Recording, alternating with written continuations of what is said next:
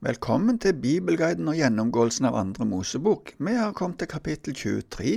Sist gang så, så vi på noen praktiske anvendelser som Moses hadde fått når det gjelder eiendom, tyveri, moral, renter og andre praktiske ting.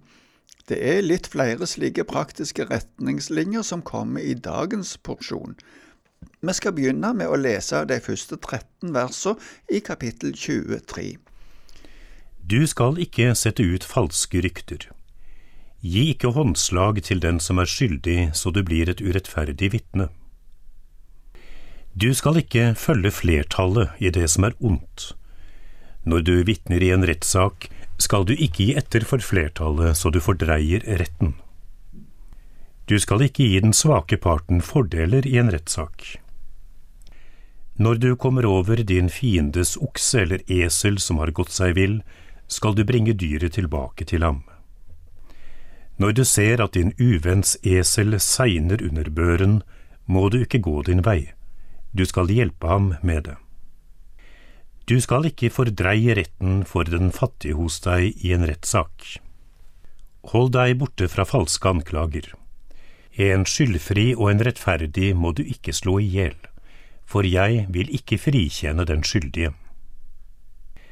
Du skal ikke ta imot bestikkelser, for slike gaver gjør den klarsynte blind og forvrenger den rettferdiges sak. Du skal ikke undertrykke en innflytter. Dere vet hvordan det kjennes å være innflytter, for dere har selv vært innflyttere i Egypt. I seks år skal du så til jorden din og høste avlingen av den. Men i det sjuende året skal du la den ligge brakk og hvile for at de fattige i folket ditt kan livnære seg av den. Og det som blir igjen, kan villdyrene ete. Det samme skal du gjøre med vinmarkene og oliventrærne dine. Seks dager skal du gjøre arbeidet ditt, men den sjuende dagen skal du hvile, for at oksen og eselet kan få ro, og slavekvinnens sønn og innflytteren kan få puste ut. Alt det jeg har sagt dere, skal dere holde. Dere skal ikke nevne navnet på andre guder, det må ikke høres fra din munn. Det første som blir nevnt her, er falske rykter.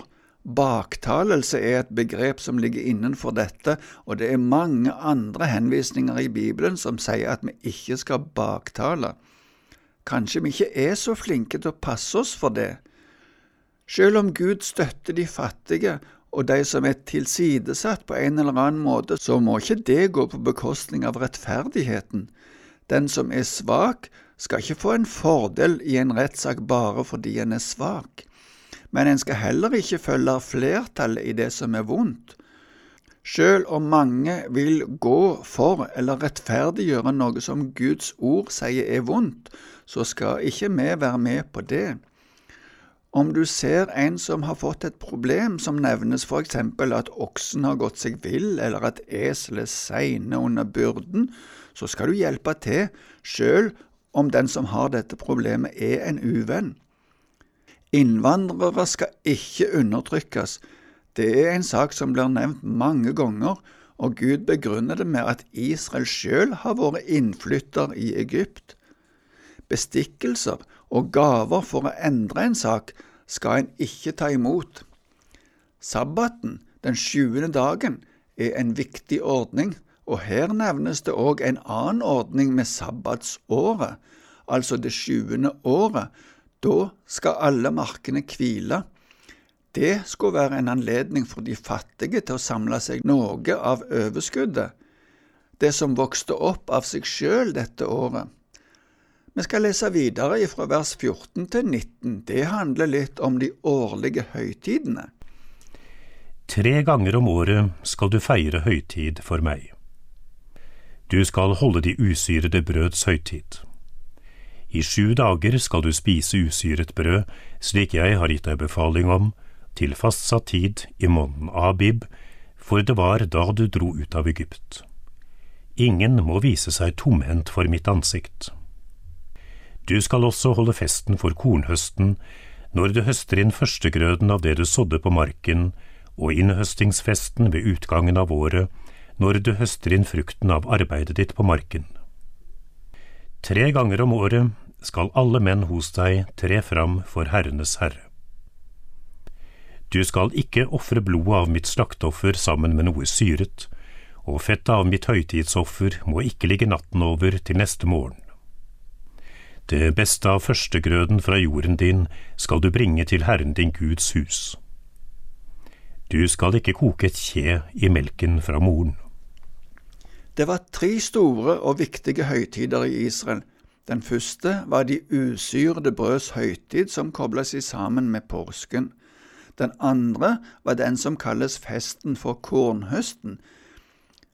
Den blir noen andre plasser kalt for ukenes høytid, og vi kjenner den som pinse. Det var sju uker etter påske. På denne festen blei førstegrøden av avlingen gitt til Gud. Den tredje festen var en fest når innhøstningen var over. Denne festen blei senere kalt tabernakelfesten, eller sukkot, som betyr løvhyttefesten. Den blei holdt senere på høsten. Senere ser vi at i tilknytning til denne siste festen kom den store forsoningsdagen, og senere i Israels historie, etter fangenskapet i Babel, kom purimfesten enda senere på året.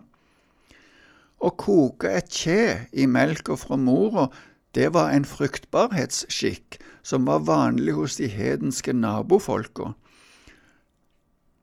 Israel skulle ikke etterligne gudsdyrkelsen hos deg, men komme med rette offer og det beste av førstegrøden til Gud.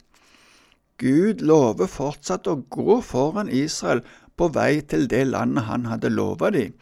Det skal vi se litt mer på i det neste avsnittet som vi skal lese.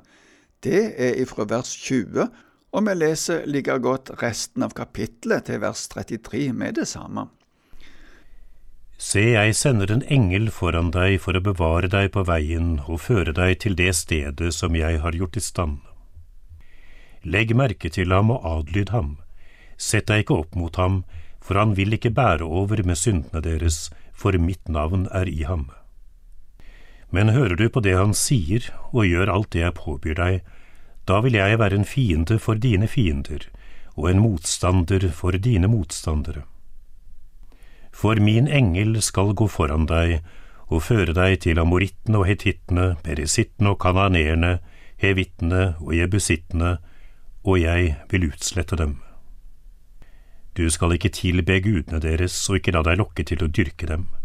Du skal ikke gjøre som de gjør men steinstøttene deres skal du rive ned til grunnen og slå i stykker.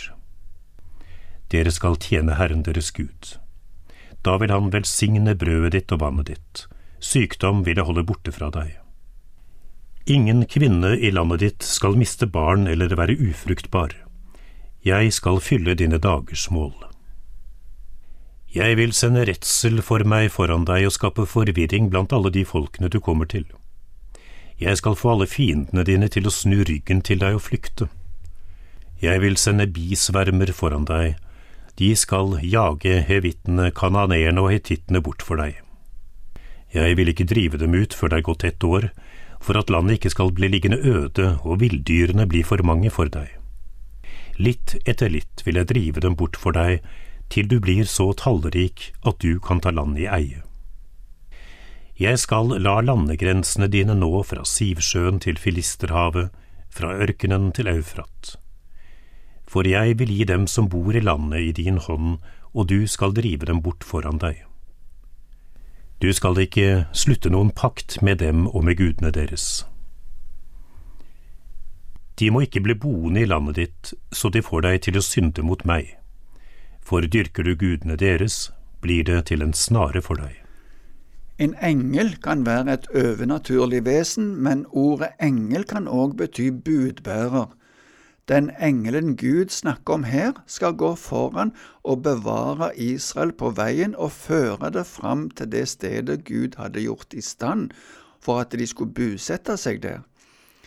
Det er litt delte meninger om dette er et annet uttrykk for å beskrive den sky- og ildsøyla som fulgte Israel fram til Sinai, og som vi ser òg i fortsettelsen skal gå foran de, eller om det er en annen representant for Guds ledelse dette er snakk om.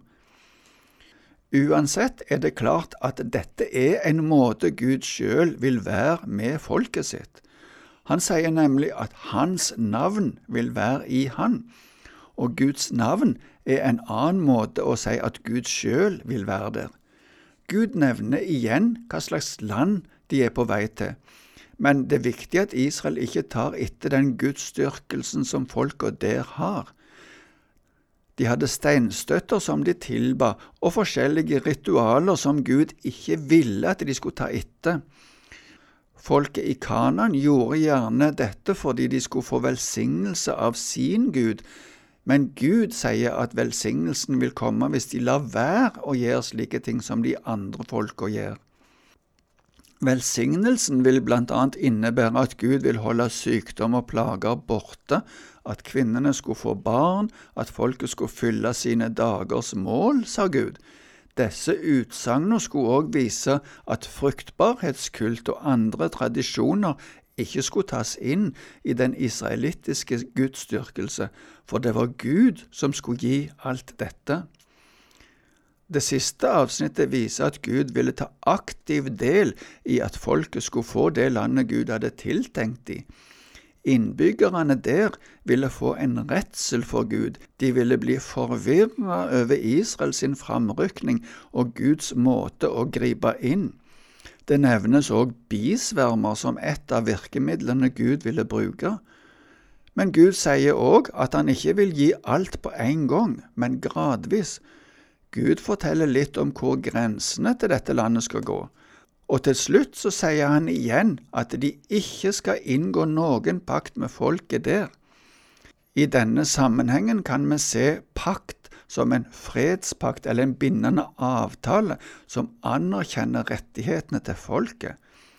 De skulle drive de bort, og de skulle absolutt ikke dyrke deres guder, for det ville føre til store vanskeligheter for Israel.